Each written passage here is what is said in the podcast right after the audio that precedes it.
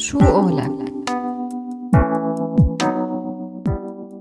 ضيف حلقتنا لليوم هو المستشار والخبير الاقتصادي السوري الأستاذ سمير سعيفان يلي بيشتغل كمدير لمركز حرمون للدراسات المعاصرة. اشتغل السيد سعيفان من قبل كباحث بالعديد من مراكز الأبحاث العربية والأجنبية. من بيناتها عضو بمركز الدراسات السورية بجامعة سانت أندرويز بإسكتلندا. بالإضافة لعمله كرئيس جامعة مستشاري الإدارة بسوريا بين الأعوام 2005 و2009 للأستاذ سعيفان كثير من المقالات والدراسات المنشورة وعدد من الكتب بقضايا الاقتصاد. عن التطورات المفصلية يلي صارت هي السنة كان لنا هذا الحوار معه.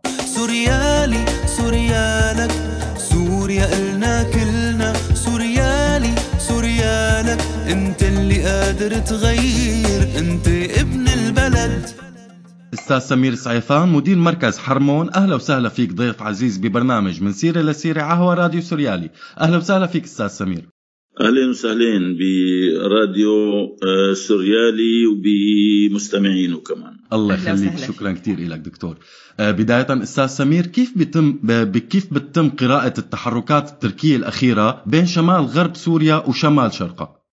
يعني هذا الموضوع متفق عليه صار بشكل عام ضمن الصراع بسوريا ودور تركيا آه، اللي كان فاعل جدا وبعدين صار في تحول خاصة بعد الانقلاب وضغوط روسيا عمليا. تركيا أعطت الأولوية بشكل أساسي لأمن القومي خاصة بعد ما الميليشيات ال PYD أخذوا دعم أمريكي وسيطروا على منطقة واسعة فصار الأتراك خايفين.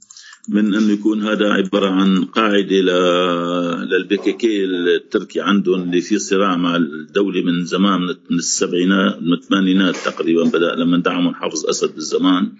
فموقفهم بشكل عام صار له الاولويه ولكن بنفس الوقت عندهم التزاماتهم السابقة تجاه سوريا آه، وتجاه الثورة السورية تجاه الحراك بشكل عام.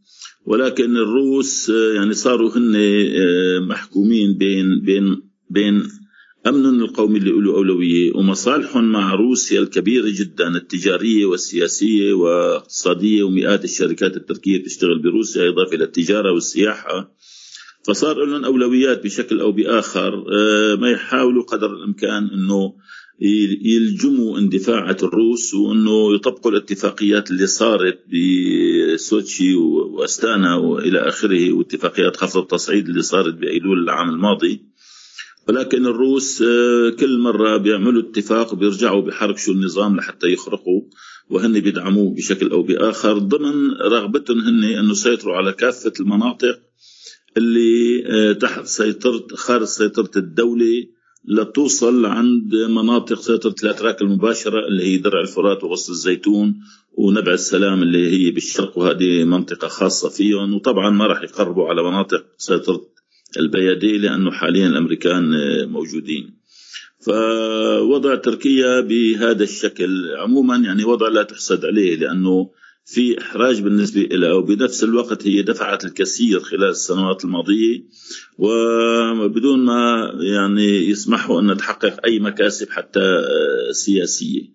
فهذا هو الوضع. حاليا يتم القصف بشكل وحشي. على أهلنا بمناطق أدلب وحلب وشمال حماة. ولكن تركيا تسعى سياسيا تضغط بأشكال مختلفة إلى انه يوقف هذا الحراء هذا القصف الوحشي. ولكن حاليا هدف النظام والروس هو فتح طريق حلب دمشق. بذلك التركيز مسير على معرة النعمان وعلى سراقب. فهذا طريق استراتيجي. وبعد منه بدهم يتجهوا نحو طريق حلب جسر الشغور اللاذقية وهذا موضوع أعقد آه، لأنه بمر بوسط المناطق اللي مسيطر عليها المعارضة وبالتالي آه، يعني راح يفتح معركة آه، واسعة بشكل عام. يعني هذا هذا هذه قراءتي للوضع الشمال غرب سوريا وشرقها بالفترة الحالية. تمام. طيب أستاذ سمير هل بالعموم هل برأيك بات المفاوض الوحيد على الملف السوري هن الروس فقط؟ المفاوض الظاهر هن الروس. نعم نيابة عن النظام وحلفائه وهم المتحكمون. والأمريكان تركوا لهم سوريا من جهة. الأتراك لهم دور طبعا. آه، هن المفاوض الثاني عمليا بالطرف الآخر. ما زال رغم أنه آه، الضغط عليه ولكن الأتراك هم المفاوض بشكل مقابل. ولكن المفاوض اللي مش ظاهر هن الأمريكان.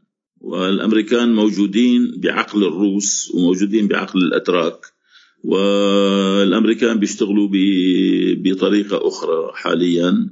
يعني الأمريكان تاركين الروس يوصلوا لوضع بيعرفوه ومخططين له إنه أوكي سيطروا أنتم على كل المناطق بالقصف ما فيش مشكلة نحن ما رح نتدخل لكن ما فيكم تقربوا على مناطق شرق الفرات. ورح نبقي الضغط على النظام وعلى سوريا حصار ومقاطعة وأخيرا آه، فيتو على ملف إعادة الإعمار أنه ما في تمويل.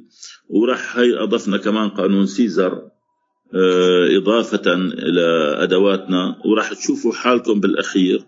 منتصرين عسكريا ولكنه نصر أسوأ من من الهزيمة. لأنه سترث سوريا مدمرة معزولة ومحاصرة وتدهور الأوضاع المعيشية والأوضاع الاقتصادية فيها وأضعاف قيمة يعني أضعاف قدرة النظام بشكل كبير ورح تكون عبء عليكم وليست ربح لكم. هذا بشكل أو بآخر يمكن سميه أنا فخ الأمريكان ناصبين لهم إياه للروس والروس بيعرفوه. مثل ما نصبوا الروس فخ ما يسمى لجنة الدستور بشكل أو بآخر. فالقصد القصد أنه الأمريكان هم مفاوض موجود بعقل الروس وبعقل الأتراك وسيأتي دوره قريبا. تماما. أستاذ سمير ذكرت حاليا هلأ آه، بقانون قيصر. سؤالنا لك هل برأيك بيرتبط إقرار قانون قيصر بشكل مباشر بالتصعيد الحالي الموجود بإدلب أم إنه بتعتقد منفصل عنه؟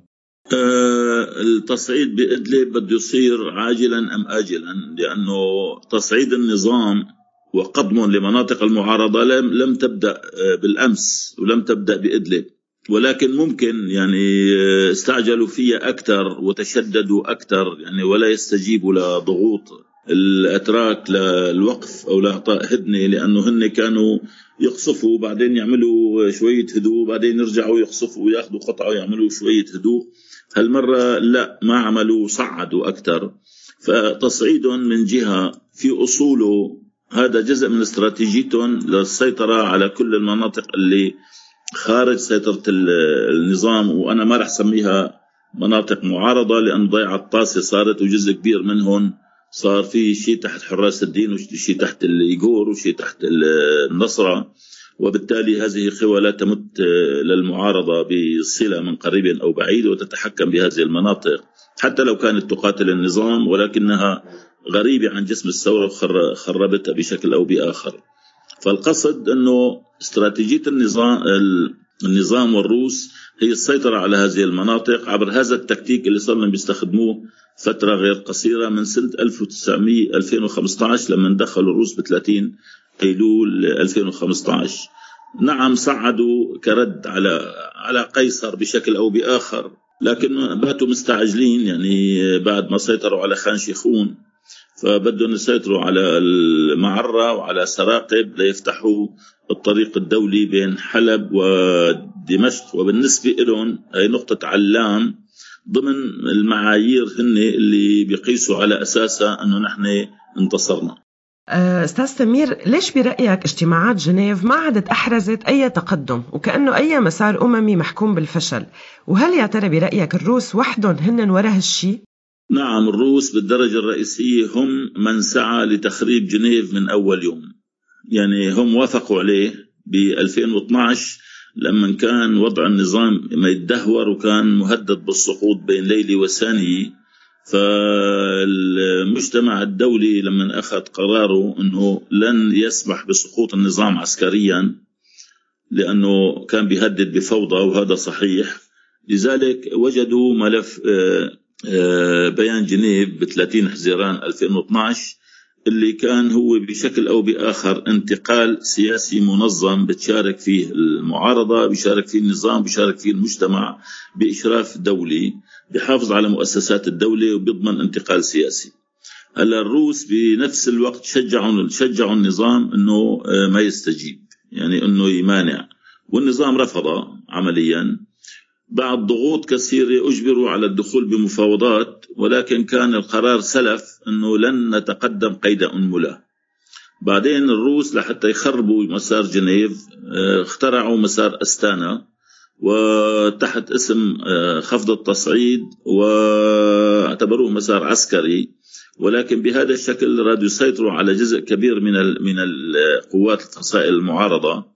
لما بتسيطر عليها بهذا الشكل عمليا أنت تضعف وجودها وتضعف قرارها السياسي لأنه يصبح قرار سياسي ضعيف وبالأساس هو الارتباط كان بين السياسي والعسكري كان عموما ضعيف. وطلعوا بعدين بملف المصالحات ومناطق خفض التصعيد آه، إلى آخره. فكانت ضمن سيناريو هو التحرك بالضغط للتراجع خطوة خطوة. وحاولوا انه يستبدلوا أستانا يعني يستبدلوا أستانا محل جنيف ونجحوا إلى حد بعيد. لذلك إذا بتاخذي جنيف آه، واحد وبتاخذي بعدين القرار 2 2 5 4 هو تراجع بشكل أو بآخر. وحاليا اختصروا كل قرار 2 2 5 4 اختصروه كله بهاللجنة الدستورية وإنه يكتبوا دستور. فنعم روسيا هي اللاعب الرئيسي الدولي اللي كان وراء هذا ال هذا ال هذا المسار للنظام والداعم الرئيسي له للتمسك فيه وعدم تقديم أي تنازلات. طيب أستاذ سمير هل يمكن أن يكون لمخرجات اللجنة الدستورية أي فوائد على الوضع السوري برأيك أم إنه مجرد ديكور سياسي روسي؟ شوف اللجنة الدستورية يعني يمكن الحديث حولها طويلا ولكن باختصار أولا ليس لها شرعية بهذا المعنى لأنه اولا 2 2 5 4 ما بنص على دستور يعني بنص على حكومة ذات مصداقية حكومة وطنية حكم انتقالي عمليا يعني عمليا حل سياسي. وبنص على بنود أخرى تخلق المناخ الملائم يعني إطلاق سراح المعتقلين آه، إلغاء محاكم الإرهاب هاي اللي سموها إرهاب وهن بيحاكموا فيها كل من يعارضهم موضوع المهجرين موضوع في مسائل كثيره عموما. ف وليس لجنة دستورية تضع دستور. أصلا الدستور لا يوضع بفترات الحروب. الدستور عادة يوضع لينظم مستقبل أو واقع ومستقبل بلد وبالتالي يجب أن يوضع بفترات الهدوء بفترات بعم السلام بيصير الاستقرار. بهالفترات هي بحطوا أقرب شيء لإعلان دستوري من جهة. وبعد ما بتستقر الأمور وبصير في مصالحات بحطوا دستور. طيب هلأ حاليا هن آه، عملوا لجنة فقط لحتى تحط دستور. ومش واضح يعني لا مداها الزمني ولا آليات عملها بشكل أو وضعوا اليات عمل عمليا لن تؤدي لأي نتيجة. أنا باعتقادي يعني هذا رغم إنه هو أقرب للفخ اللي نصب للمعارضة والمعارضة اضطرت أن تقبل لأسباب نعرفها كلنا. ولكن أنا بسميها طبخ بحث يعني لن يطلع منها شيء. وفي تقدير دولي إن وضعت كي لا تنتج شيء. هلأ الروس بهمهم يطالعوا منها دستور آه، يعيد تأهيل النظام. ولكن بنفس الوقت يقولوا للمجتمع الدولي إنه هذا دستور هذا حل سياسي بإرادة سورية سوريه وبنفس الوقت بس المحتوى تبعه المحتوى مناسب للروس وللنظام. والروس عندهم نسخه والنظام عنده نسخة والمعارضة عندها نسخة. يعني كل واحد والأتراك عندهم نسخه والبريطانيين عملوا دستور. كل واحد عمل نسخة. كيف راح تطلع؟ ما حدا بيعرف. لكن رايدين يحطوا هن نص مناسب لهم ويخرجوه تحت جنيف ويقولوا هذا هو الحل فيا مجتمع دولي تفضل اعترف آه، عيدوا تأهيل النظام وافتحوا تمويل إعادة الإعمار وارفعوا الحصار وإلى آخره. هذا ما يطمح إليه الروس وهذا بالضبط اللي ذكرته أنه الأمريكان هون سيقولوا لهم لا.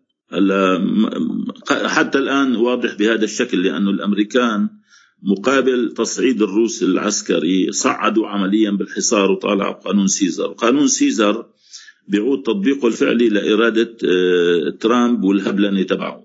فما بتعرف شو راح يطلع معه. ممكن يكون فيه إجراءات شديدة جدا وممكن يكون إجراءات آه، معتدلة.